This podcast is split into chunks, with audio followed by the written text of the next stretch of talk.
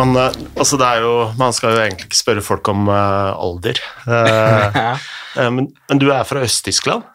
Opprinnelig, var, altså Da jeg ble født, så var det Øst-Tyskland, ja. Så, Og så var jeg elleve år da muren falt. Ja. Så jeg er 43 nå. Så du rakk liksom å vokse opp bak jernteppet Ja, lite grann? det gjør det. Eh, og heldigvis så falt muren rett før det begynte å være alvorlig for, for meg. da. Altså med tanke på uh, utdanningssystem, at du kan bare studere hvis du har vært i militæret. Uh, og da Ah. må du gå lenger i militæret. Alle må jo i militæret, eller måtte. Uh, det slipper jeg. Og, Så hvis du ikke hadde vært i militæret, så får du ikke studere? Nei, alle må i militæret. Eh, ett og et halvt år, det var minimum. Men hvis du vil studere, så må du ha gått tre år. Ja. Uh, og det er tøft. Eller det, det har jeg hørt var tøft. Altså De fleste som kom tilbake, de drakk litt mer enn før, og de røyka en god del. ja. Tøff på hvilken måte da? Altså man, eh, nå er det jo mye fokus på det russiske Ja. forsvaret, og jeg hadde Åge Borkelvink her, som uh, uh, jobber i Helsingforskomiteen. Og er mye i Russland og Ukraina og Tsjetsjenia osv., altså de gamle sovjetiske statene. Han fortalte at uh, i det russiske militæret så er det sånn at du liksom brytes ikke bare ned av overordnede, men også av medsoldater, så det er en helt annen type militærtjeneste enn det vi er vant med her i Norge, iallfall. Ja. Eh, Nå, nå, nå vet jeg ikke hvordan det direkte har vært, men jeg har en, en, en, en kompis fra Tyskland eh, som eh, en god del eldre enn meg, var min lærer og trener. og, og han var jo i militæret og s- også i litt uh, høyere posisjoner, fordi han måtte jo gå tre år for å kunne studere. Så, og han har fortalt at, at uh, det var selvfølgelig en, en måte å lede de på. Det blir, du blir eller det ble brutt ned. Eh, og, men ikke nødvendigvis sånn at medsoldater gikk imot deg, eh, men de gjør, det, de gjør det så vanskelig for deg at, at du, du måtte holde deg fast i dine medsoldater. De støtter deg, du støtter de, ellers så hadde du gått ned. Så de fikk oppgaver som en eneste person kunne aldri løse. Eh, så at du var nødt til å få støtte fra dine medsoldater, og det gikk liksom begge veier, så at man blir litt sånn sammensveisa. Eh, Nesten en sånn sosialistisk eh, tankegang eh, og også det, i og det var det jo. Det var det jo, absolutt. Ja, Så jeg gikk jo eh, militæret etter Mjøen falt, og jeg syntes det var tøft. Men det var antageligvis en god del mindre tøft enn det kunne vært. da. Så, Fordi også vi ble jo på en måte ja, brutt ned, kanskje ikke, men etter hvert så, etter to uker så begynte du å bare Jeg bryr meg ikke, jeg bare gjør som de sier, uten å, å tenke. Uh, så det Men uh, ja. Når, når du var i militæret, opplevde dere en sånn stor forskjell mellom dere som har vokst opp på østtysk side, og dere som har vokst opp på vesttysk side? Nei, uh, utgangspunkt ikke. Um, jeg vet heller ikke om mine Min befal var østtysk eller vesttysk. Det Nei. vet jeg ikke. Så uh, De var har ganske sammen, alle sammen, og så valgte jeg en, uh, en uh, tjeneste som var infanteri, altså jeger. Det skulle jeg ikke gjort. Det hardeste av det harde. Ja. Og jeg, jeg vurderte jo å bli offiser. Altså, jeg egentlig skrev under for å gå tolv år. Eh, men man har et sånt halvt år prøve uh, hvis det virkelig absolutt ikke er noe for en Og det var jeg veldig glad for, at jeg kunne etter, i løpet av det halve året si vet du hva, det er ikke for meg. Nei. Så uh, Ellers så hadde jeg vært noe militær i Tyskland, mest sannsynligvis. Eh, Så ja, jeg er glad for at jeg ikke måtte. Um, altså, man uh, har jo lest mye om idrett, uh, da særlig DDR. Uh, rakk du liksom å føle den derre idretts... uh, altså, du blei jo idrettsutøver på ganske høyt nivå. Mm. rakk du liksom å føle liksom DDRs idrettsregime på, på kroppen, på en måte? Nei, eh, også der var jeg litt sånn heldig at jeg eh, slapp de verste eh, ting, fordi Eller eh, det østtyske idrettssystem var, eh, var i utgangspunkt bra tenkt. Eh, jeg kan bare så fortelle hva, hva, hva de har gjort. Eh, det var et land, DDR, med 16 millioner, 18 millioner, noe sånt der. Altså et ganske så lite land ut, i utgangspunkt, um, som nådde jo ganske høyt opp i medaljespeilet sånn på OL. Mm. Helt klart, også med bruk av forbudte midler. Jeg vil jo påstå at de fleste som var de øverste medaljerankings, gjør det det, men i Øst-Tyskland var det jo statsdoping, så det, det, er ikke noe å skjule på. Men det var ikke fritt frem. Så, så, det som skjedde, som gjorde at, i hvert fall etter min mening, at Øst-Tyskland var veldig god i idrett, var at det var forbudt med alle ikke-olympiske idretter. Så du kunne bare drive med olympiske idretter. Mm. Uh, så dermed har de allerede valgt bort alt det som ikke fører til noe. Så blir det veldig mye støtte av individuelle idretter fremfor lagidretter. Fordi da lagidretter binder mange mennesker som kunne vunnet bare én medalje til sammen, istedenfor at hver av de driver med, med uh, idretter hvor man kunne vinne flere medaljer. Uh, mm. Så det var det ene. Det andre var at um, i andre klasse, altså når man er åtte år jeg, jeg, tror det var åtte år, kan være at jeg er litt feil, at det var litt seinere, så kom idrettsforskere fra universiteter inn i skoleklasse og målte deg. Høyde, eh, avstand eh, på fingertuppene for antall liksom eh, Høydevekst og lengdevekst og hvor stor man blir og sånn. Pluss en del fysiske motoriske tester. To uker seinere hadde du en anbefaling i postkassa med to idretter som eh, de hadde anbefalt at du driver med. Mm. For meg var det boksing og fekting. Og jeg blir jo ganske god i kampsport uh, fordi jeg veldig lett, raskt, har lange armer. Mm. Som er fordelaktig i fekting og boksing. Så uh, de traff ganske så nøyaktig allerede da. Uh, um, men var det idretter du likte selv? Jeg gjør det ikke det. Uh, men jeg var jo interessert i kampsport, men de kampsporter jeg var interessert, som karate, de var ikke olympisk, så de kunne jeg ikke drive med.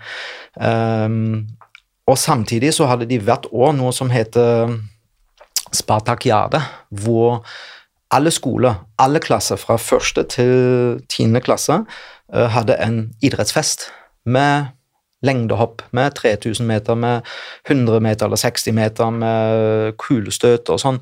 Og de tall ble fra alle skoleklasser i alle deler av landet, hver skole, hver klasse, hver person, bokført og sendt inn sentralt. Så de hadde altså tall på eksplosivitet, på lengde, på utholdenhet fra første til tiende klasse, og så utviklinga der. Og hvis du stakk ut et sted, så ble du kontaktet og fått tilbud å gå på idrettsskole. Mm. Og så begynte jo det. Idrettsskole og bli trent opp og i tillegg så hadde du en, en, trener som var spesialisert på det som skjer i utviklingen din i din alder. Så man hadde ikke en trener fra da du var 8 til du var 16. 8 til 10, 10 til 12. Bytte trener, fordi da ble det utviklet de ting som er karakteristisk for den aldersgruppa? Som man kan utvikle ganske så bra i den alderskategorien. Og hvis man da kom på landslag, um, måtte man være minst 16 og ha nådd 85 eller 86 av verdens uh, krav, eller beste, mm. så blir man med i dopingsystemet, har jeg hørt. Ja, ja. Så ikke før det. Man må ha faktisk nådd en del Så man jobber beinhardt for å bli for med i dopingsystemet? Det var selvfølgelig ikke kjent til utøverne. Uh, kanskje ikke med, til og med til trenerne. Uh, så, så, men uh, fordi jeg gjorde en sånn da jeg studerte en sosial i, altså idrett, altså sosial Ja, hva heter det? vitenskapsundersøkelse for idrett uh, på universitetet, sånn sammenligne uh, østtysk idrettssystem med vesttysk, uh, også i forhold til doping og sånn. Og i Vest-Tyskland var jo også doping. I USA, i Russland. Det fant man jo ut. Bare at Øst-Tyskland var mye mer strukturert. Men man fant jo også seinere år mer strukturert enn eh, russiske utøvere òg? Det vet jeg ikke. Uh, det, det, det, vet jeg ikke. Men, men i, i eh, Vest-Tyskland var det Det antok man uh, da, uh, at det var mer trenerne sjøl som styrte det. Mens, eh, eller lege som var med i trenerteamet, være idrett sjøl, istedenfor at det var liksom en struktur for, som var bestemt fra øverste ledd. Og, og mm. uh, sånn og sånn gjør vi det. Um, men det fantes nå at Universitetet i Tubing noen år tilbake fant også at før OL i 72 i München, uh, eller jo, da har også uh, innenriksminister bestemt i Tyskland at man skal få masse medaljer, og da ble også en sånn program satt i gang. Eh, det fant man ut noen år, ja, for noen år siden. Mm. Også Vest-Tyskland har da på en måte drevet med statsdoping. Jeg vet ikke om jeg plutselig kommer jeg få Nei, jeg tror det er ganske, det er ganske kjent. ja, så...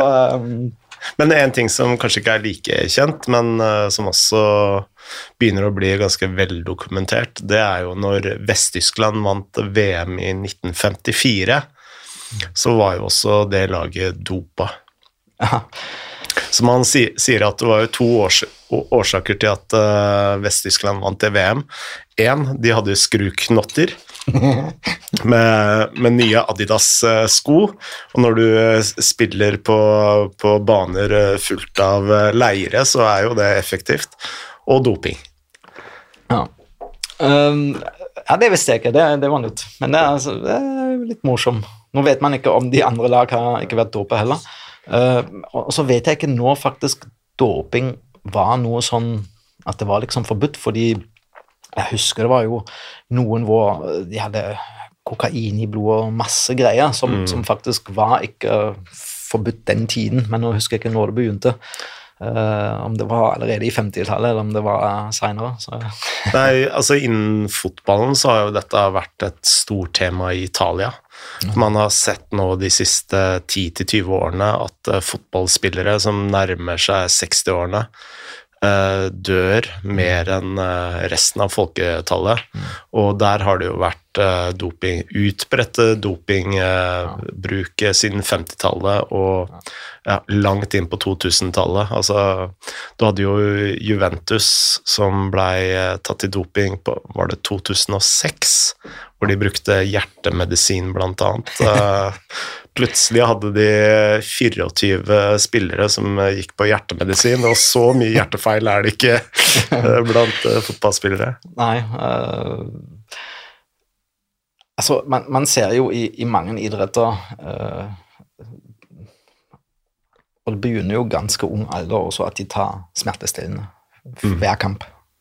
Uh, om det er smerte eller ikke, det er bare noe de gjør i tilfelle de får vondt eller Ja, altså det, det, det er mye som skjer, og det kan godt ha noe å gjøre med, det, med tidlig spesialisering og tidlig og tidlig profesjonalisering og, og press på å være suksessrik og sånn. Men uh, ja, det med altså dopingproblematikken og, og bruk av medisin, astmamedisin i, i, i vinteridretten i noen. Eh, det er jo så omstridt tema, så mm. Men når, når, eh, du blei tatt ut i å, å, skulle bokse og fekte, hvordan kom din interesse for eh, karate? Men det er vel taekwondo som er din idrett? Jiu-jitsu er det som har drevet mest med. Jiu-jitsu, ja. Mm. ja. Men da jeg var yngre, så var det egentlig mest karate. Uh, uh, og kanskje kung fu, fordi jeg vet ikke hvor det kom fra. Jeg var bare fascinert at man kunne bevege seg sånn og spake høyt og hoppe og spake og uh, sånn, og det kommer sikkert fra filmene. Uh, jeg, husker, jeg, husker, ikke hvor gammel jeg var, men da så jeg at det kommer på TV en gammel Bruce Lee-film klokka elleve. Det var altfor seint, var altfor ung. Så jeg står på knærne og har bedt mammaen om jeg kunne legge meg litt tidligere, og så vekker hun meg så jeg kunne se filmen. da. Mm. Og det gjør du. Uh, så, men så kom jo, var jo den tiden med de gamle Van Damme-filmer og alt det, så det var jo liksom episk. Mm. Og jeg tenkte altså, kunne bevege seg sånn og kunne spake og det mystiske bak det syns jeg var kjempefascinerende. Um, Sånn er det jo ikke. så, eh, men eh, der kommer fascinasjonen fra eh, ganske så tidlig. Og de fleste som begynner med kampsport, begynner ikke med kampsport fordi de vil bli verdensmester eller olympisk mester og konkurrere. De fleste har en, en, en I hvert fall før i tid. interesse til å ja, kunne sparke høyt og eh, bevege seg sånn. Altså, det var i hvert fall min generasjon og de før. Jeg kjenner ingen som drev med kampsport som ikke har prøvd å slå av og på lysbryteren med foten. Eh, sånne ting, da. Ikke sant? Sånn, sånn. Eh, nå vet jeg ikke hvordan det er, fordi nå er liksom MMA og brasiliansk utstyr som er så stor, hvor TV viser eh, disse stevnene uh, i primetime TV, som folk ser på og tenker åh, det er kult. Sånn var det jo ikke da jeg holdt på. Altså Karate, taekwondo vistes jo så vidt på TV, jeg tror ikke i det hele tatt egentlig, før i hvert fall taekwondo kom på OL i 2000, og da var jeg jo voksen allerede. Men som barn, noen boksekamper, that's it. Mm. Ja, eh, men eh, Så det var mer det det mystiske bak der som eh, var fascinerende. Nå er det kanskje mye mer det sportslige. Jeg har litt sånn inntrykk av at eh, i hvert fall når jeg vokste opp, da Altså de som begynte på karate og taekwondo, de, de holdt på i tre måneder, og så slutta de når det begynte å bli litt tøft, da. Eh, Eh, ja, det kan godt være. Jeg tenker det er liksom med alt idrett at man Begynner man ung, så finner man etter hvert ut ok, det er ikke så gøy allikevel, og man kommer kanskje litt sånn med andre forhåpninger. mm. For i utgangspunktet de første månedene er jo dødskjedelig, fordi det er jo kampsport. Du må kunne basics for ikke skade deg sjøl eller andre. Eh, så, så man lærer jo i begynnelsen kanskje eh, ting som man syns er kjedelig. Altså I jutsu husker jeg at de første ukene sånn, lærer man mye å falle. Altså bare rulle og falle, og, eh, og det er jo altså Jeg skal ikke falle, jeg skal kaste, men hvorfor må jeg ja, Eller blokkere og ja, bare bli hardere, fordi å blokkere et slag kan jo gjøre vondt. Det gjør jo vondt uansett. Det er bare sånn at, det, at du skader deg ikke, men du får vondt. At ja, folk syntes kanskje det var kjedelig, og så slutter de. Eh, Hva er forskjellen på brasiliansk jiu-jitsu og vanlig jiu-jitsu? vanlig jutsu. Um, vanlig jutsu er en sånn blanding av eh, karate og judo og bakkekamp. Eh, så du slår, sparker, kaster og har litt bakkekamp. Brasiliansk jiu-jitsu er ren bakkekamp. Mm. Så, så har du karate, som er ren slag og spark, og så har du judo, som er ren kast. Så de tre satt sammen er, er jiu-jitsu. Altså, Så jiu-jitsu er egentlig den komplette kampsporten på en måte, da, eller? Eh, eh, Både òg. Jeg er jo veldig glad at, eh, at jeg driver med det, som er veldig allsidig. Eh, Men eh, det er jo sånn at en som driver med karate fulltid, hadde jo vært bedre på det enn det jeg er med jiu-jitsu, og sammen med kast i judo og bakkekamp i brasiliansk jiu-jitsu. Eh, Men de kan, en karateperson kan jo ingenting på bakke. En brasiliansk jiu-jitsu-person kan ikke slå og sparke. Så, så det er relativt komplett, men man er ikke spesialist på noe sånn sett. Mm. Er det en eh, stilart du ønsker at du liksom gikk inn i mye tidligere? Um,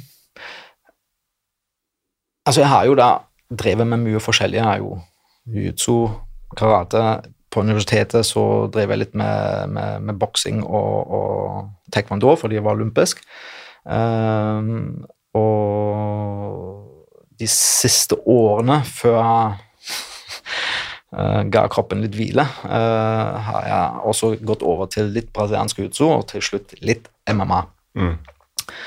Og tok til meg disse ting egentlig ganske så greit, relativt raskt. Ikke på et veldig høyt nivå, men greit nok for meg. Eh, men jeg har kjapt lagt merke til hadde jeg en brutebakgrunn, så kunne jeg gjort det kanskje enda bedre i MMA, fordi da de er ikke drakt, de, de er vant med å jobbe knallhardt mot en motstander som du har ikke noe å ta grep i, f.eks. en drakt. eller sånn, Oi, unnskyld. God gammeldags eh, ringetone. Ja, liker den. Jeg har egentlig slått av uh, lyd, men uh, ja. Så. Beklager. Nei, det går bra. Ja, Brytingen, det er det du kunne tenke deg Ja, bryting kunne jeg gjerne tatt litt uh, litt inn i min erfaringshorisont også. mm.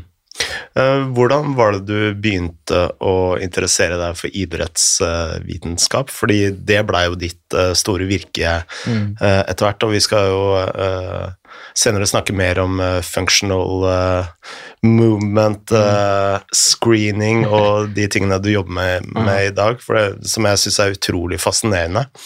Men hvordan blei liksom inngangen din inn i det? Mm. Eh, god spørsmål. Um,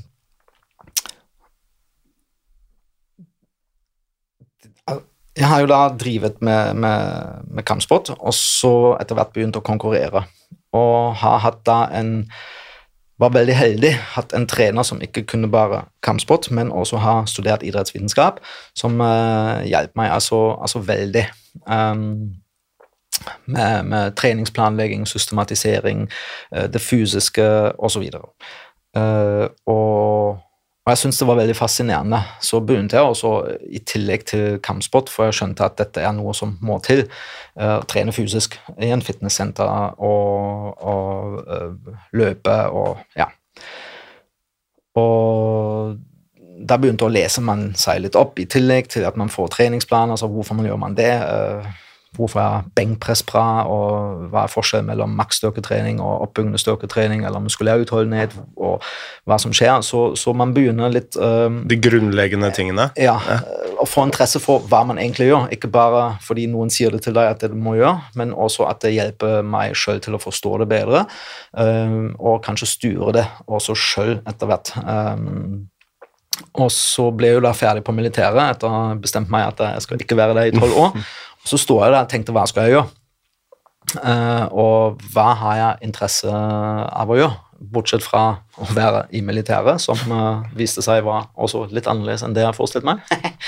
uh, og da tenkte jeg ok, men jeg elsker idrett. jeg er ikke bare interessert i å trene, men også å lære litt hvordan man trener, hva som er bra, ikke bra, hvorfor. Så uh, snakka jeg litt eksempel med en trener og tenkte ok, men da å studere idrett kanskje en grei ting å gjøre. Mm. Uh, og det viste seg at det passet meg veldig veldig bra. Så, så da begynte jeg uh, rett etter militæret å studere idrettsvitenskap i Leipzig. Mm. Hvor lang er den uh, utdannelsen der, da? Den er, den er, fem år. Uh, det var før det fantes bachelor og master. og da, hvis du begynner altså å studere, så er det fem år.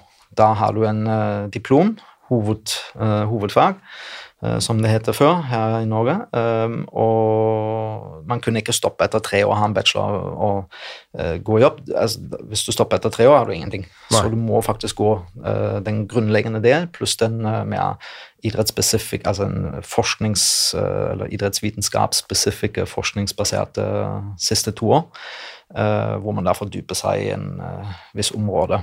Um, så, så jeg, studert, jeg tror jeg har studert også litt lenger enn fem år. Jeg tror jeg ble ferdig i 2005 og begynte i 98 fordi jeg var på landslaget i Tyskland og måtte utsette en del fag. og Landslaget i hva da? I jiu-jitsu. Jiu-jitsu, ja. ja. Uh, så, så det alt tok litt lengre tid. Pluss at jeg uh, også flyttet til Norge uh, før jeg egentlig ble ferdig å studere. Og da ville jeg heller ikke bli med en gang ferdig, fordi det var mye lettere som student å få oppholdstillatelse i Norge. Så jeg var et og et halvt år som student i Norge før jeg faktisk offisielt ble ferdig, eller to år til og med. Mm. Så Var det et sjokk eh, for deg å møte norske idrettsutøvere når du har liksom jeg, jeg bare ser for meg det å være inne i det østtyske systemet og det tyske, at det er, det er mer disiplinert, og det er mer eh, ja, orden i sysakene, altså. um, jeg har ikke tenkt så mye over det, egentlig. um, fordi jeg de, de, ustrukturerte uh, fins jo overalt. De fins også i Tyskland. Um, men det som var så morsomt, at da jeg Jeg var da i Trondheim um, og, og, trente da på, på NTNU, i det treningssenteret der, Og da min kjæreste kom da til meg en dag og sa hun har snakket med en kompis som da jobbet der, og sa jeg så med en gang hvem som er tysk, fordi han hadde, han hadde varmet opp ordentlig og forberedt seg, og så gikk han systematisk gjennom trening, så jeg så det med en gang. Eh, så det var litt morsomt, men jeg har ikke lagt så mye merke til det. og Uh, da jeg begynte å bli trener her i Norge, så, så har jeg truffet begge deler. Noen som er ekstremt fokusert og strukturert og sånn. Nesten til at det blir for mye for dem, fordi de klarer ikke å tenke på noe annet. Uh, men jeg fant selvfølgelig også utøvere som uh, var liksom all over the place. Mm. Så å rette de inn, det, det, det var vanskelig. og det er ofte clinch, fordi jeg har jo en en, en, mening hvordan ting skulle gjøres. Og det krasjer litt med deres uh, ja, det kan jeg tenke hverdag. Uh, spesielt når er tysk og ganske så direkte. Det oppstår en del konflikter. Um, men, men, etter hvert så tror jeg når de skjønte at jeg ville deres eget beste, at det var, at det var ok. Uh, jeg fremdeles Jeg ble jo etter hvert landslagstrener for jiu-jitsu i Norge og, og hadde ganske unge utøvere. Uh, og jeg har med de aller fleste har jeg fremdeles kontakt. Mm. God kontakt. Så, så det, det, er jo kjekt. Så uh, Også en av de større erfaringene jeg har gjort derfra, var at, at man ser utøveren som noe mer enn bare en utøver. Men en person som har Eh, ønsker, drømmer, eh, problemer, eh, sånn, og, og tar med seg det. Så om de lykkes til slutt eller ikke, idrettslig, ble etter hvert ikke så veldig viktig, men at de, at de, at de lykkes i livet, at de er happy, at de kan se tilbake til den tiden og ha noen kjekke opplevelser. Det er ikke alt som er bra, men stort sett, da. Altså du bruker idretten mer som en sånn holistiske øvelse da, til å forbedre et menneske Eller ja. gjøre et uh, menneske mer lykkelig og mm. mer funksjonelt. Og det, ja, og det har jeg lært, det var kanskje det jeg har lært mest etter jeg kom fra et tysk idrettssystem til det norske.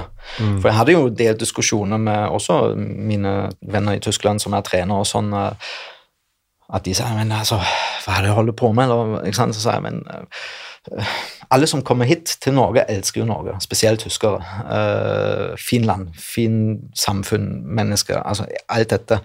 Og så tenker jeg, hvis man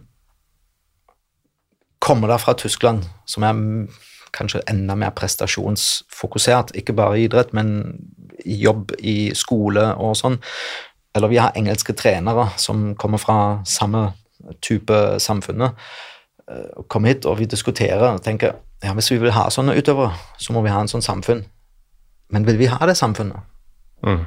Fordi samfunnet som det er nå, er kjempefint. At, at, at, det er ikke så mye press. Ikke på deg som trener heller. At du må produsere resultater. Det er ikke sånn at uh, våre sportssjefer og sånn setter så mye press at altså, hvis du ikke får medalje, så, så, får du sparken. Mm. Sånn er det jo i hvert fall i mine idretter. Heldigvis ikke. Så, så alt dette er jo da hvordan samfunnet er, og speile seg Du får takke det det er, da, at du ikke ble fotballtrener. Ja. uh, som jeg sa, jeg var heldig at jeg fikk det beste fra de det er med meg, uh, og slapp det verste ja. før jeg ble for gammel. Men uh, det Altså, når du får en sånn holistisk Et sånt holistisk syn på idrett, da, så passer jo det veldig sammen med det du jobber med nå, som jeg tenker er veldig interessant, og dette med functional movement uh, screening. Uh, og jeg har hørt om det en gang tidligere, og det er Bayern München, mm. som jeg veit bruker akkurat dette systemet, men jeg tror ikke det er veldig utbredt i, i fotballen. og hvordan eh, vil du beskrive hva eh, FMS egentlig er? Ja. Uh, det er ikke så kort å beskrive, litt vanskelig. Uh, så, så Heldigvis er du på en podkast, ja. så du kan bare snakke ut. Uh, sånn litt sånn bakgrunn. kanskje hvordan det hele skjedde. Altså, Som jeg sa, jeg har studert idrettsvitenskap. Jeg har spesialisert meg på treningslære, toppidrett, talentutvikling, og, og, har tatt noen utdanninger, selvfølgelig i kampsport, men også i fysisk trening. Uh, og spesielt da styrketrening uh, og, og uh, ja, alt sånn rundt styrke og styrkeutvikling. Og så fem år og avslutte som årsbest og har vært landslagstrener med gode resultater, har hatt gode resultater som utøver sjø, så jeg tror det jeg vet mye. Mm. Og så dro jeg eh, til USA og tok et seminar. Tok to dager. En fredag ettermiddag og en lørdag. Mm. Ikke søndag engang. På det seminaret, og det var da uh, Functional Movement System, FMS, uh, som, som organiserte det da. Og jeg leste litt, hørt om, litt om det, men jeg visste ikke helt sånn hva det var. Men jeg tenkte ok, det høres litt spennende ut. Um, og så satt jeg der, og disse gutta der begynte å prate og forklare og sånn. Og da satt jeg med åpen munn, altså jeg gapet i to dager det det var, og tenkte, og tenkte altså Helt utrolig. Altså, etter fem år å studere så var jeg helt sjokka. Så jeg begynte å se på trening, fysisk trening, på en helt annen måte, og det var i 2008, 2009, 2010, noe sånt. Mm. Og helt siden da, når man først begynte å se, forstå det og se det på den måten, så går det ikke å ikke gjøre det lenger. Så, så øh, jeg begynte da å se på idrett som bevegelse. Om det er fysisk trening eller hva det skal være, så er det bevegelse. En kropp som beveger seg. Uh, og, og, da å se etter beveger den seg bra eller ikke. Mm. Og, og bruke da mye av det systemet, pluss at jeg gjennom årene har gått til eh, etterutdanningskurs og oppfriskningskurs og videreutvikling og andre kurs og sett på andre systemer. og uh, Så begynte det å falle en del ting på plass, uh, hvor jeg ser om en utøver kan bevege seg bra eller ikke. Ikke bare om den er sterk eller ikke, eller om den er bevegelig eller ikke, men kan bevege seg bra. Et, et godt norsk ord for det er kanskje smidighet. Mm. Ja, uh, men det er også litt sånn gå tilbake og sammenligne med, med, med unge, med, med barn uh, og, og, unge som, som, kan bevege seg sånn helt vanlig, for det er, det er medfødt bevegelsesmønstre som, som, de kan, uh, og som noen, mange, idrettsutøver i ung alder også ikke kan lenger. Hvor jeg altså ser ok, den, den kroppen beveger seg ikke optimalt. Og hvis en kropp ikke beveger seg optimalt, kan den kroppen da ute optimalt på trening eller i konkurranse?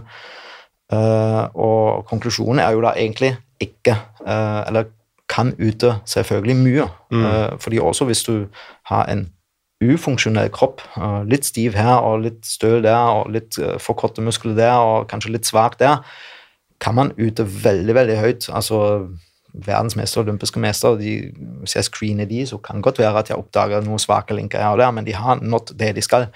Um, men, men, sannsynligheten at de skader seg, er kanskje høyere, eller at uh, de som ikke lykkes, uh, eller ikke uh, lykkes så mye, kunne kanskje lykkes litt mer hvis de kunne hente litt mer ut av sin egentlige potensial. Mm.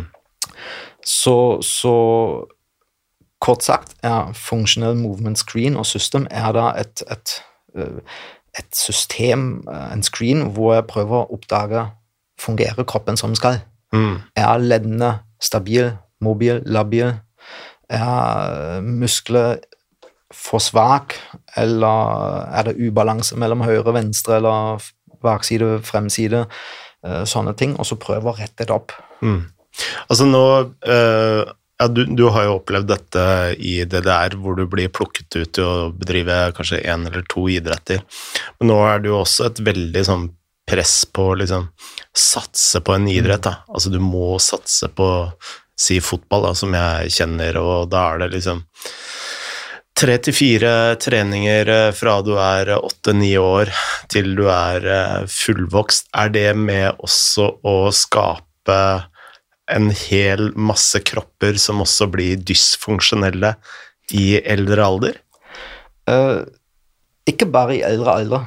Altså, jeg ser helt ned til tolvårsalderen har jeg sett den yngste som uh, driver med idrett, Mm. uh, og ikke klarer en toe touch. Altså at de står på føttene og så bøyer seg fremover og prøver å nå tærne sine. Det stopper i knehøyde. Uh, eller at uh, de klarer ikke en pushup. Uh, Ikke pga. at de ikke klarer å strekke ut armen, men at magen, kjernemuskler, henger ikke med når de skal utvikle kraftig overkropp. Men de trener fire-fem ganger sin idrett hver uke. Uh, og det er ikke bare fotball, det ser jeg i mange forskjellige. Og man kan si at tidlig spesialisering er en grunn for det. Men jeg er ikke nødvendigvis imot at de driver med sin idrett med, som de elsker, mye allerede i ung alder. Men da er det viktig at, at de gjør det riktig. Uh, at, at trenerne der passer på at, at det ikke er så spesifikt at de bare bruker de musklene de bruker i fotball, i tennis, i uh, ski. Mm. Men at det er en allsidig uh, utvikling av hele kroppen. Uh, og det kan gjøres i den idretten også, hvis de gjør det som oppvarming, som nedtrapping, en, ha en, en gang per uke ren fysisk, eller hva det skal være. Og det er veldig mye fokus på fys, ja, altså fysisk trening, i mange idretter nå. Men da ser jeg at det blir ikke gjort bra nok ofte. Uh, at man har en hel gruppe av mennesker, idrettsutøvere, 14 år gamle, 10 stykker, og alle går gjennom det samme. Mm. Uh, For kroppene er jo ulike. Kroppene er ulike, de har ulike utfordringer, uh, og man tar ikke så mye hensyn til hvor er egentlig det svake link. Uh, har jeg tatt vare på at de gjør den øvelsen riktig? Fordi hvis jeg er der fysisk trener, og jeg har 45 minutter med de 14-åringene, 10 stykker, så ser jeg ikke om de gjør den øvelsen riktig, og ofte er det sånn om en øvelse er effektiv på akkurat det de skal gjøre, kan uh, en, en armposisjon på to centimeter, riktig eller feil, gjøre et stor forskjell om den øvelsen har faktisk en effekt eller ikke. Mm. Ja, og, og det er vanskelig har man et, hvis man har en gruppe og man ser de kanskje en gang i uken, og det er ti stykker, og så ofte er det sånn at de ofte ikke har lyst engang til det fysiske. De er der for å spille fotball, uh, ikke sant? og det, det er forståelig. Um, så så uh, Det er vanskelig med, med fysisk trening å gjøre det. At de har en helhetlig utvikling, samtidig at det må til, fordi det er veldig mye spesialisering, eller tidlig spesialisering, uh, fra ung alder. Men i tillegg så er det sånn at i hvert fall i mange miljøer, uh, storbymiljøer og sånn, at de beveger seg for lite. Altså de sitter veldig mye i skole, uh, på vei til eller fra trening, vei til eller fra skole, hvor de blir kjørt, eller uh, de sykler mindre, de hopper mindre, de klatrer mye på, mindre på tre, og så alt dette fører jo da at kroppen mister en del funksjon Mm. som den ellers kanskje, kanskje hadde hatt. Så øh, kropper i dag har mindre funksjone- funksjonell evne enn det den kanskje hadde for 20-30 år siden? Nå, nå vet jeg ikke hvordan det var 30 år siden, men når jeg snakker med trenere øh, Jeg har også en god del trenerkurs. Eh, når jeg snakker med trenere om disse temaene, så er de enige. Når de Mm. får utøvere i klubben, så mangler de eh, en viss bevegelseskompetanse, eh, bevegelseserfaring. Og det som er da de underliggende ting, er da mobilitet, stabilitet, eh, koordinasjon. Mm. Og det er det mest sannsynligvis av mangel av generell aktivitet. Mm. Og hvis de da er i aktivitet, så er det ofte idrettslig organisert, rettet mot sin idrett. Mm. Men eh, Det er jo rett og slett for lite lek. for lite lek, for lite øh, øh, Ja, altså egentlig alt. Lekpreget, lek, aktivitet. øh, ute i naturen og ja. ja. Men dere scre screener jo øh, mennesker i alle alder, øh, Mm. nær sagt. Øh, hvis man skal være litt tabloid, da. hva tenker du er liksom de største manglene i De fysiske manglene, da? Blant øh, si aldersgruppen øh, 12 til 20, og fra 20 til 40, og fra 40 til 60, for det er vel litt ulike ting? Mm. Men kanskje ofte ting som også henger eh, sammen gjennom måten du har liksom vokst opp på. Ja. Um, I ung alder ser jeg mye eh, Egentlig ikke bare i ung alder.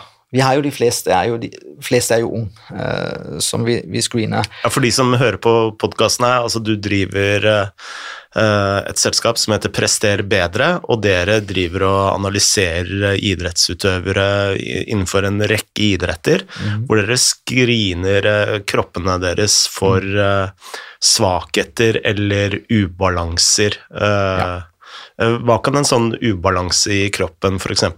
være? Altså eh, rett og slett at de uh, har ubalanse venstre og høyre. Altså de kan stå på høyre fot, men ikke på venstre. Det er en ubalanse. Uh, de kan uh, eh, ha en, en, en utfallsskritt på høyre, men miste balanse på venstre. Uh, bakside, fremside. Uh, sånne ting. Men også overkropp, underkropp. Uh, de kan være stabil i et lett. men Kan jeg bare stoppe her? Altså, når jeg vokste opp, så, eh, så husker jeg det var veldig mange som sa Nei, jeg trener bare overkropp. Ja, ja. Eh, det, det, det var jo sånn vanlig, men hva, hva slags konsekvenser har det? Uh, hvis, vi, vi ser jo på dette ikke som, som, som trening. Uh, når det gjelder det med funksjonalitet, uh, er det sånn at før dette konseptet fantes, eller før jeg begynte å tenke så på det, og det er mange trenere som jeg har snakket med, som eh, ble enig i det, at enten så så de det fysiske som et fitnessproblem, altså et, et styrkeutholdenhet, altså at man trener fysisk. Ja, hvis man ikke fikk ting til, så, så er det enten det, at man må bli sterkere eller, eller mer bevegelig eller noe sånt. Så et fysisk ting, et fysisk treningsopplegg hadde hjulpet. Men hvis ikke det, så hadde det vært en, en helsesystem, at man går til en fysioterapeut som, som hjelper meg å, å fikse skulderen mitt og sånn, hvis jeg, ikke, hvis jeg hadde smerte eller øh, ja, hadde en tidligere skade og sånn.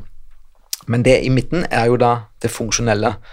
Og det kan være at hvis du ikke er funksjonell, at du øh, skader deg, så er det en helseproblem, eller øh, du klarer ikke å være så sterk som det egentlig kunne være.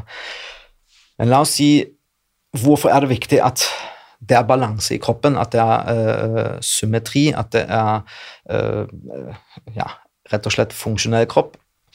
Hvis du hvis du er veldig god i benpress, du klarer 200 kilo, 250 kilo i benpress, men hofte henger ikke med.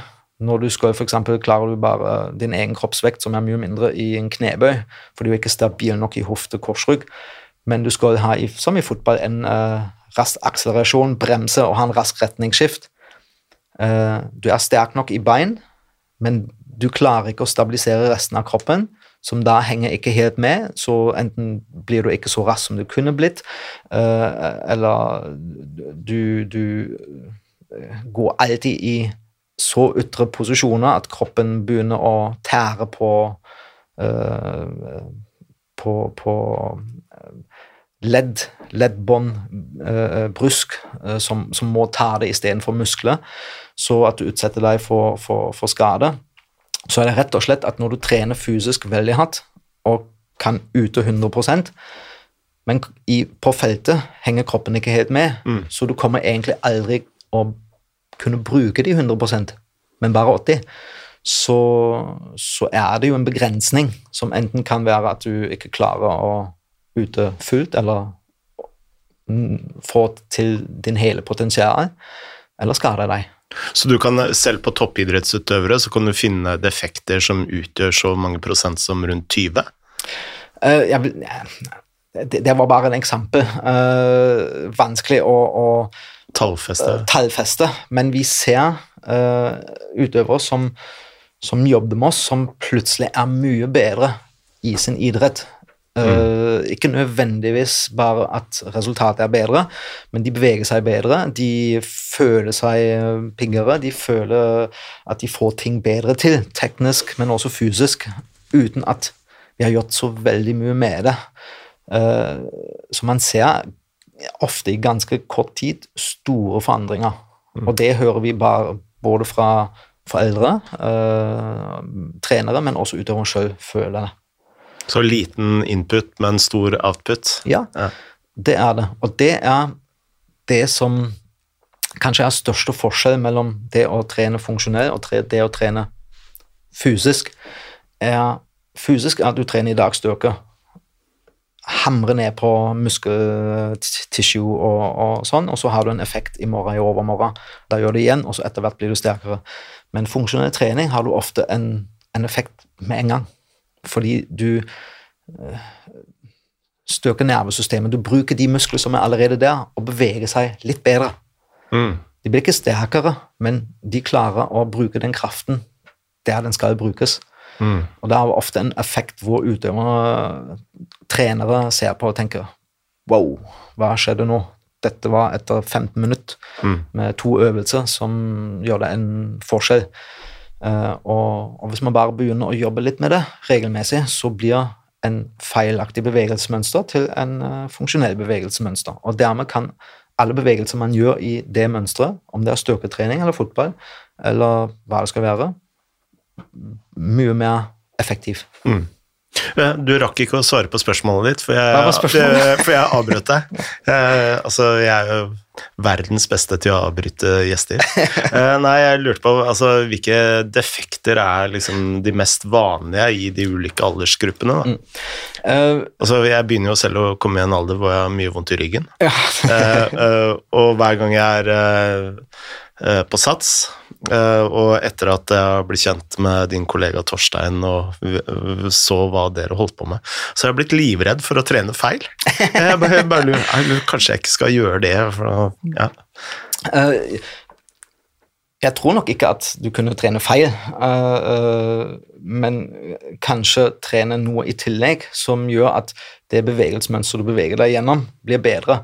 Altså, jeg ser det veldig ofte som eksempel knebøy er etter min mening en av de vanskeligste uh, bevegelser som man kan gjøre, fordi det krever veldig mye av styrke og mobilitet i alle ledd som er egentlig involvert. altså Det begynner i ankelett, kneledd, hofteledd, uh, som må være sterk i rygg og, og kanskje en viss mobilitet i skuldre. Mm. Så, så er det en tøff ting. Hvis du ikke klarer den bevegelsen ordentlig uten å legge vekt på, så er det egentlig ikke noe særlig stor vits å gjøre det med vekt på, fordi da forsterker du bare et feilaktig bevegelsesmønster.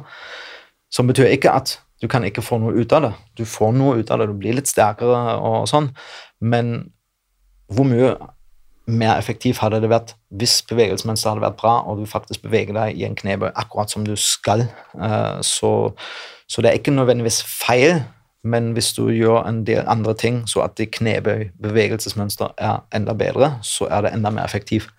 Eh, Men det finnes selvfølgelig også en måte å trene helt feil på, eh, men det, det har ikke noe å gjøre med om du har en god bevegelsesmønster eller ikke, men det er bare fordi ja, tyngst mulig, tøffest mulig, og sånn. Det, det ser man jo i alle fitnesssentre, så, så, men det er ofte ikke det som er problemet, at de kan bevege seg at de beveger seg feil, de bare har altfor mye belastning og vil være tøffest og sånn. Ja. Så, så Men tilbake til spørsmålet. Hva er de mest feilaktige eller eh, utsatte problemområder? Um, det er selvfølgelig korsrygg, uh, mage, korsrygg, kjernemuskler, som uh, ikke nødvendigvis er for svak, men er vanskelig å aktivisere i uskjell- u, uh, forskjellige ulike situasjoner. Altså bare å stå i planke, står man i tre minutter, null problemer, men så snart jeg skal eh, løfte armen samtidig opp og stabilisere, så sveier jeg fordi det er jeg ikke vant med. Eh, Så det er ofte ikke en område, men en område under en bevegelse. Mm. Men vi ser at korsrykk korsrygg er ofte pluss skuldre, og det ofte påvirker hofteledd, kneledd, ankelledd. Fordi det, det finnes noe som heter joint by joint approach, som sier enkelt sagt at en ankeledd skal være mobil, et kneledd stabil, et hofteledd mobil, et korsrygg stabil, og så forplante seg oppover. Skuldreledd mobil øh, og stabil. Hvis bare én ting er feilaktig, altså la oss si man øh, tråkker over Mm. Uh, ankeledd. Uh, så har man litt smerte, og så Og ikke man- mobil. ja, så blir man ikke mobil lenger, blir man litt sånn eh, eh, stiv. Og da må jeg noe kompensere for, og da er det kneledd, som da ikke blir stabil lenger, men labil. Som da gjør at hofteledd kompenserer og blir stivere. Som gjør at korsrygg må kompensere og bli labil, og så videre. Så hvis man sitter veldig mye, eksempel, så, så har det jo en påvirkning på hofteleddet. Forkorter seg litt og sånn. Så, så kan det være at korsrygg gjør vondt. Fordi den må kompensere, den er litt labbig og klarer ikke å stabilisere fordi det er for kort og stram hofteleddsbøyer, f.eks. Men det kan også være at man får etter hvert vondt i kne fordi den er litt labbig. Uh, og så Jeg som trener vet jo ikke det, men jeg ser i en screen at her er noe problem der og der. Så jeg ser ikke Ok, jeg har vondt i korsrygg. Ok, det behandler jeg, eller det, det, det jobber jeg med. Men samtidig jobber jeg også med de andre elementene som jeg kunne vært involvert, så at alt faller litt på plass. Mm. Så jeg bare begynner å jobbe med korsrygg, så ok, ja, føles bra ut. Ja, to uker seinere akkurat det samme igjen, fordi jeg ikke jobber med en forkortet hofteleddsbøyer eh, eller en labil kne eller en stiv anke. Mm. Ja, så, så Så satt på spissen, da. Altså en, eh, en stiv ankel kan også være med å forårsake en eh, ustabil korsrygg. ja. Ja. Mm. Og det, da er vi inne i kjernen til hva Riktig. FMS eh, egentlig er. hva FMS er, og hva funksjonell trening er, nemlig å sette funksjonene tilbake til leddene og bevegelser. Da er jo neste spørsmål hvordan gjør man det? Ja, Um, systemet består av egentlig en, en veldig enkel rekke av posisjoner og bevegelsesmønstre som vi setter folk inn og lar de gå gjennom. For eksempel et dypt knebøy. Det er ofte sånn at hvis jeg ser at vedkommende kommer bra ned, dyp knebøy opp med eh, skuldre eh, og involvert og sånn, så ser jeg ok, den personen her er relativt funksjonell. Kan være at enkelte ting er ikke helt optimal, men stort sett er det det. Eh, og så er det litt sånn teste litt sånn balanse og, og sånn, og sånn forskjellige. Og um, de, har, de som har utviklet det, har mye sett på, på World Health Organization hvordan småbarn beveger seg i de første to år av sin uh, utvikling. Og det er jo sånn at de skal gjennom en del bevegelser og posisjoner, det skal de klare i løpet av de to år. Gjør de det, så er utvikling bra. Hvis ikke, så må man sjekke. Og det har de bare videreført. Hvis babies i, i sin medfødte evne klarer å sitte i en dyp knebøy og sånn, uh, selvfølgelig alt er mye mykere, og, og overkropp, underkropp, den relasjonen er litt annerledes hos småbarn, men eh, de klarer å krabbe, de klarer å rulle, eh, og så, så de har god kontroll over sin kropp. Hvis en tolvåring ikke har det lenger, så må man finne ut hvordan, eller, hvordan det, eller hvorfor. Eh, så vi ser mye på sånne grunnleggende posisjoner bare, eh, tatt på spissen. Ja, eh, vi, vi lar dem ta en pushup, men ikke en vanlig pushup. Litt sånn pushup uh, hvor armen er litt lengre frem over hodet. Klarer de å utvikle kraft og stabil, stabilitet også i en sånn posisjon? Utfallsskritt eh, på en spesiell måte. Klarer de å, å holde ryggen rett, eh, holde balanse eh, i en veldig kort utfallsskritt? eh.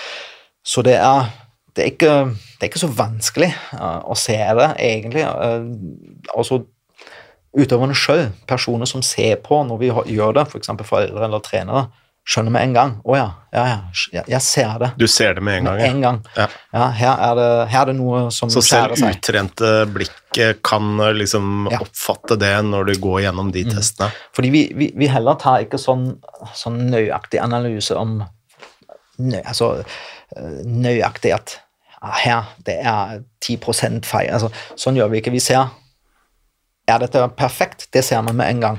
Det her ser bra ut. Alle ser det. Eller ikke. Hvis ikke, ok, da følger vi litt opp. Mm. Rette litt opp her, rette litt opp der. Og så etter par... det gjøres da ved hjelp av øvelser, da. Riktig. Ja. Og, og de øvelser er heller ikke noe sånn magic, voodoo, uh, the force, sånn.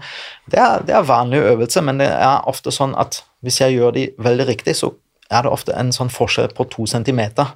Mm. Uh, om de har armposisjon riktig eller ikke. Uh, om, om armen går rett opp over hodet, eller er litt sånn bøyd her, og albu foran hodet. Er, altså, det er sånne små detaljer hvor de må virkelig jobbe i de posisjonene som de egentlig ikke vant med. Da jeg så dette første gang hos eh, Bayern München, så husker jeg det var Altså, de sto ofte på f.eks. skumgummiballer og gjorde bevegelser, f.eks. et sånn Hva heter det når du bare bøyer ene beinet med andre beinet rett ut? Uh, altså sånn um, pistol Pistols, squat. squat, eh, mens du holder en liten vekt uh, Oppe. Mhm. oppe. Og det er det. Altså eh, Det fins ikke den ene øvelsen for det ene problemet, men du begynner gjerne et sted, Mm. eh, og f.eks. ubalanse. Eh, at du gjør noe hvor du må aktivisere muskler rundt ankel og kneledd Ja. mens du gjør en knebøy. Samtidig så har du armen rett over hodet og må stabilisere skuldreledd eh, i den posisjonen, som også gjør da at du må holde ryggen rett. Så, så det som jeg kan si hvordan øvelsen er, at de implementerer nesten hele kroppen og alltid flere ledd. Mm. Og utfordrer ikke bare med vekt, faktisk svært lite ofte vekt, men uh, at de må bruke muskler i posisjoner der de ikke er vant med å bruke de i. Så eh, ikke bare lårmuskel for en knebøy, men at de må gjøre det på en måte hvor, hvor de er etter disse knebøy egentlig mer uh, sliten i ryggen enn i lårene. Det høres jo ut som at dette er jo et uh, treningssystem som kan uh, hjelpe veldig mange eldre mennesker. Altså Da tenker jeg på eh, mennesker på 40 pluss Mm. for mye, mye svert, smerte. Ja, vi, vi har Vi har ikke um, fokusert så veldig mye på på um, godt voksne. Siden jeg er 40 pluss også, så vil jeg ikke si eldre. Så godt voksne. Eh, men systemet ble også laget fordi eh, da disse amerikanere utviklet det, så har de jobbet veldig mye med NFL, NBA, eh, Forsvaret og, og brannvesen og sånn i USA. Mm.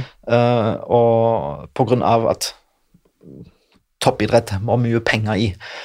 Men de har også veldig raskt sett at dette har jo også en god effekt og mening for folk flest, spesielt når de skal begynne å trene i en fitnesssenter. At de kommer der og har vondt i, i kroppen et eller annet sted, og så begynner bare å, å, å trene. Mm. Uh, og da prøver å jobbe mot symptomene, og det er ok, men årsaken har de egentlig ikke uh, gjort noe med. Uh, så, så de har begynt, og derfor kom jo vi inn i dette også, at, eh, at de begynte å kommersialisere dette Mm. eh, for å nå folk flest.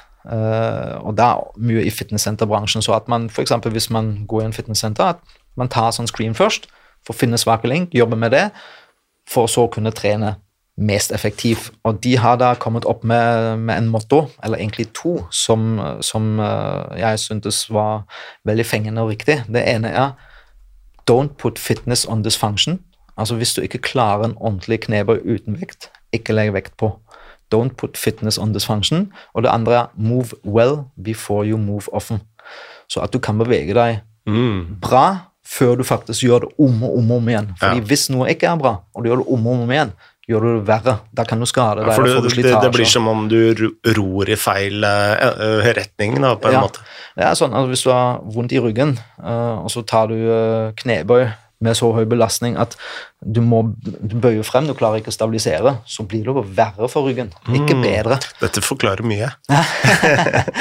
Så, um, så vi har eh, Sist i går faktisk har vi hatt en, eh, en fotballspiller som vi begynte å jobbe med, som er ekstremt sterk. Altså Han er kompakt og sterk. Det er eh, helt utrolig. Mm. Men han har så mye utfordringer og har balanse. og har mobilitet i leddene. Så at han får ofte ikke brukt den styrken. Han kunne ha mye mer steglengde hvis hoftemobilitet har vært så at han faktisk kan strekke ut ordentlig, og så fremdeles generere kraft. Mm. Istedenfor at han uh, strammer musklene, og da automatisk kommer du ikke så langt, så steglengden blir kortere. Uh, at uh, skuldermobilitet er så nedsatt at han er rund i ryggen og kan ikke rette seg opp og så generere kraft gjennom hele kroppen fordi det stopper opp mm. et eller annet sted, fordi han må koble ut f.eks. hoftelett for å så ikke uh, uh, ja, kompensere for et for kort uh, brystmuskel eller stramme skuldrene. Så, så, man ser veldig godt, og jeg tror to ganger har vi jobbet med han, og allerede mye bedre. Balansen er bedre fordi eh, kroppen begynner å fungere som den skal, og det har også noe å gjøre med at du har jo et nervesystem og et system i kroppen som gir deg feedback ubevisst. Ja, hvis du begynner å miste balansen, så strammer du noen muskler for å rette deg opp igjen. Og hvis, hvis kroppen er dysfunksjonell, så er feedback-systemet også ikke optimalt. Så etter du jobber med det, og det fungerer bedre, så holder du bedre posisjoner. Du har mm. bedre balanse. Du kan uh, justere kroppen i forhold til posisjoner som er enten ikke bra eller genererer for lite kraft osv., fordi kroppen skjønner det. Mm. Og når han jobbet med det altså Han sjøl sa altså jeg, jeg, jeg, føler det. Han følte det i kroppen, at det, det fungerer litt bedre. Ja, en annen utøver har begynt å bli raskere uten at vi hadde hurtighetstrening med han, bare fordi den kraft han generere, blir sterkere. Kan generere mye mer effekt. Mm. Men da får han et eget opplegg eh, ja. fra dere. Hvordan eh, ser et sånt uh, opplegg ut? Altså, er det ti minutter med øvelser, eller må han liksom jobbe en time hver dag, eller? Det, det kommer litt an på hvor ille det er. Ja.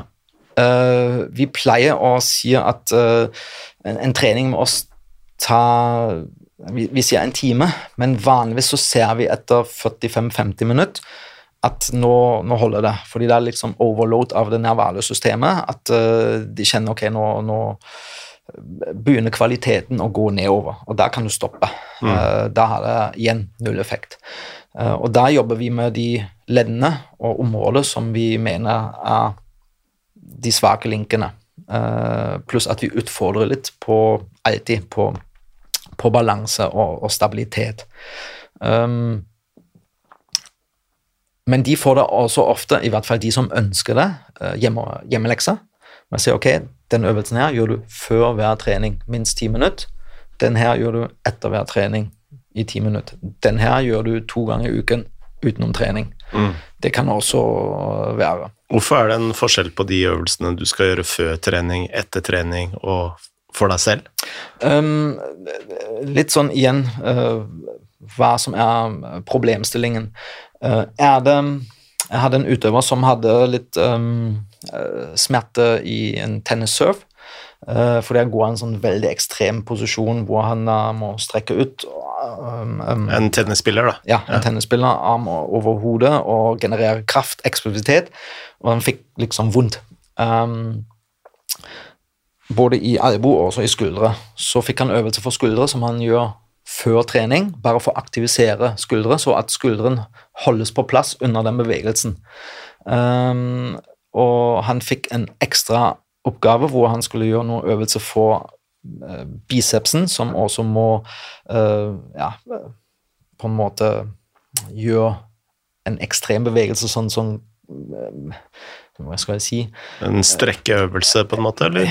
Ja, den, den strekker ut og, og bøyer, og så må man også bremse en, en, en, en bevegelse i, i, noen tilfeller, uh, som jobber der litt eksentrisk, uh, og den kan han gjøre som en styrkeøvelse uh, ved siden av, altså sånn bare sånn for seg. og begge to har fungert veldig bra. Han har ikke hatt smerter siden han fikk til øvelse, og det er kjempebra. Mm. Um, og igjen, det er ikke sånn veldig vanskelig øvelse, men du må gjøre det på riktig måte. Fordi han har gjort disse øvelsene på en måte før. Mm. Ja, liksom med strikk og det ene og det andre. Uh, uh, men ikke i de områdene han må jobbe i, nemlig ekstremt langt ute i en ytterstilling. Han gjør det bare der det er behagelig, og det er det ofte utøverne gjør. De jobber også fysisk der det er fremdeles relativt behagelig, men de skade- eller problemområder oppstår ja når de driver idrett, hvor de kommer i ytterste posisjoner i vanskelige bevegelser mm. som de da ikke er forberedt til. Ser man en forskjell på uh, individuelle utøvere og uh, utøvere på lag? Uh, for jeg kan jo tenke meg at uh, i et fotballag, håndballag, så er det jo ikke like mye fokus på enkeltutøveren som det vil mm. være på en tennisspiller, f.eks. Mm. Frem til nå har jeg ikke sett så store forskjell. Man ser mer forskjell på type idrett. Mm. Uh, så f.eks. tennis og fotball har veldig mye beinarbeid, av og til har underlag. Uh, så, så, underkropp uh, har kanskje samme problemstillinger, mens tennisspillere har ofte litt mer mobilitet i skuldre enn fotballspillere, rett og slett fordi de jobber mye mer med armer. Uh, og, og, og, kanskje litt mer sånn når det gjelder rotasjon, fordi mm. det er mm. mye rotasjon i tennis, hvor mindre kanskje i fotball. Så overkropp, der ser jeg noen forskjeller. Men det er jo som jeg sa, at i hvert fall de yngre utøvere, uh, de har jo også på det fysiske ikke en individuell trener. De trener da også ofte i en gruppe. Mm. Både sikkert lag, men også uh, tennis, i hvert fall de yngre. Altså, er du Kasper Ruud, så har du din egen trener, helt klart. Uh, men, men um, de yngre de trener da i en gruppe fra en klubb uh, med en, en, fysisk trener. Så tror jeg ikke det er så store forskjeller da. Mm. Vi begynner å nærme oss uh, slutten. hvor kan folk kontakte deg hvis de er interessert i litt mer funksjonell trening? Um, letteste er via hjemmeside. Det er www.presterbedre.com. Uh, morsom, forresten. .com vi, fordi .no var opptatt. Presterbedre.no. Jeg tror jeg er Tine. Tine meg. Uh, så det er .com. Uh, også på Instagram er det Prester bedre, og Facebook også Prester bedre. Mm. Da er kontaktinfo og litt sånn hva vi holder på med. Og, ja. Kan f.eks. eldre mennesker eh, som sliter med korsryggen også kontakte dere, eller er det bare toppidrettsutøvere? Absolutt. Um, uh, det er jo rettet mot uh, Jeg vil ikke si toppidrettsutøvere, fordi en av grunnene hvorfor jeg har begynt, var jo Vi ser at toppidrettsutøvere har ofte nok ressurser, om det er via Olympiatoppen, som har god kompetanse på sånne ting, eller via at de kjøper seg ressurser, som uh, Kasper Ruud eller uh, Susann Pedersen eller hvem det skal være. Uh, mens de som kommer unna, mm. som ikke har tilgang til Olympiatoppen, fordi de er ikke der ennå, eller har rett og slett ikke ressurser fordi de er ikke der, har, hva har de? De har sats, eller mm. trener litt fus i klubben. Og da ser vi at de kanskje trenger hjelp, så vi har egentlig siktet litt på de. Men vi har da også blitt kontakta av folk som sier kan, kan dere ikke hjelpe meg med det? Mm. Eh, som enten så på eller hørt om det, og det, det er selvfølgelig like kjekt. Eh, det gjør vi absolutt. Og uh, faktisk også litt lettere, fordi da har vi ikke det presset at ok, den utøveren den, den må vi fikse fordi ja. han skal prestere. Hun har uh, høye mål, så det må vi hjelpe til. Altså, mens eldre, da, da de skal være smertefri, og mm. det når man ofte mye raskere. Raik, tusen takk for at du ble med i Lia snakker. Takk for invitasjonen. Moderne media.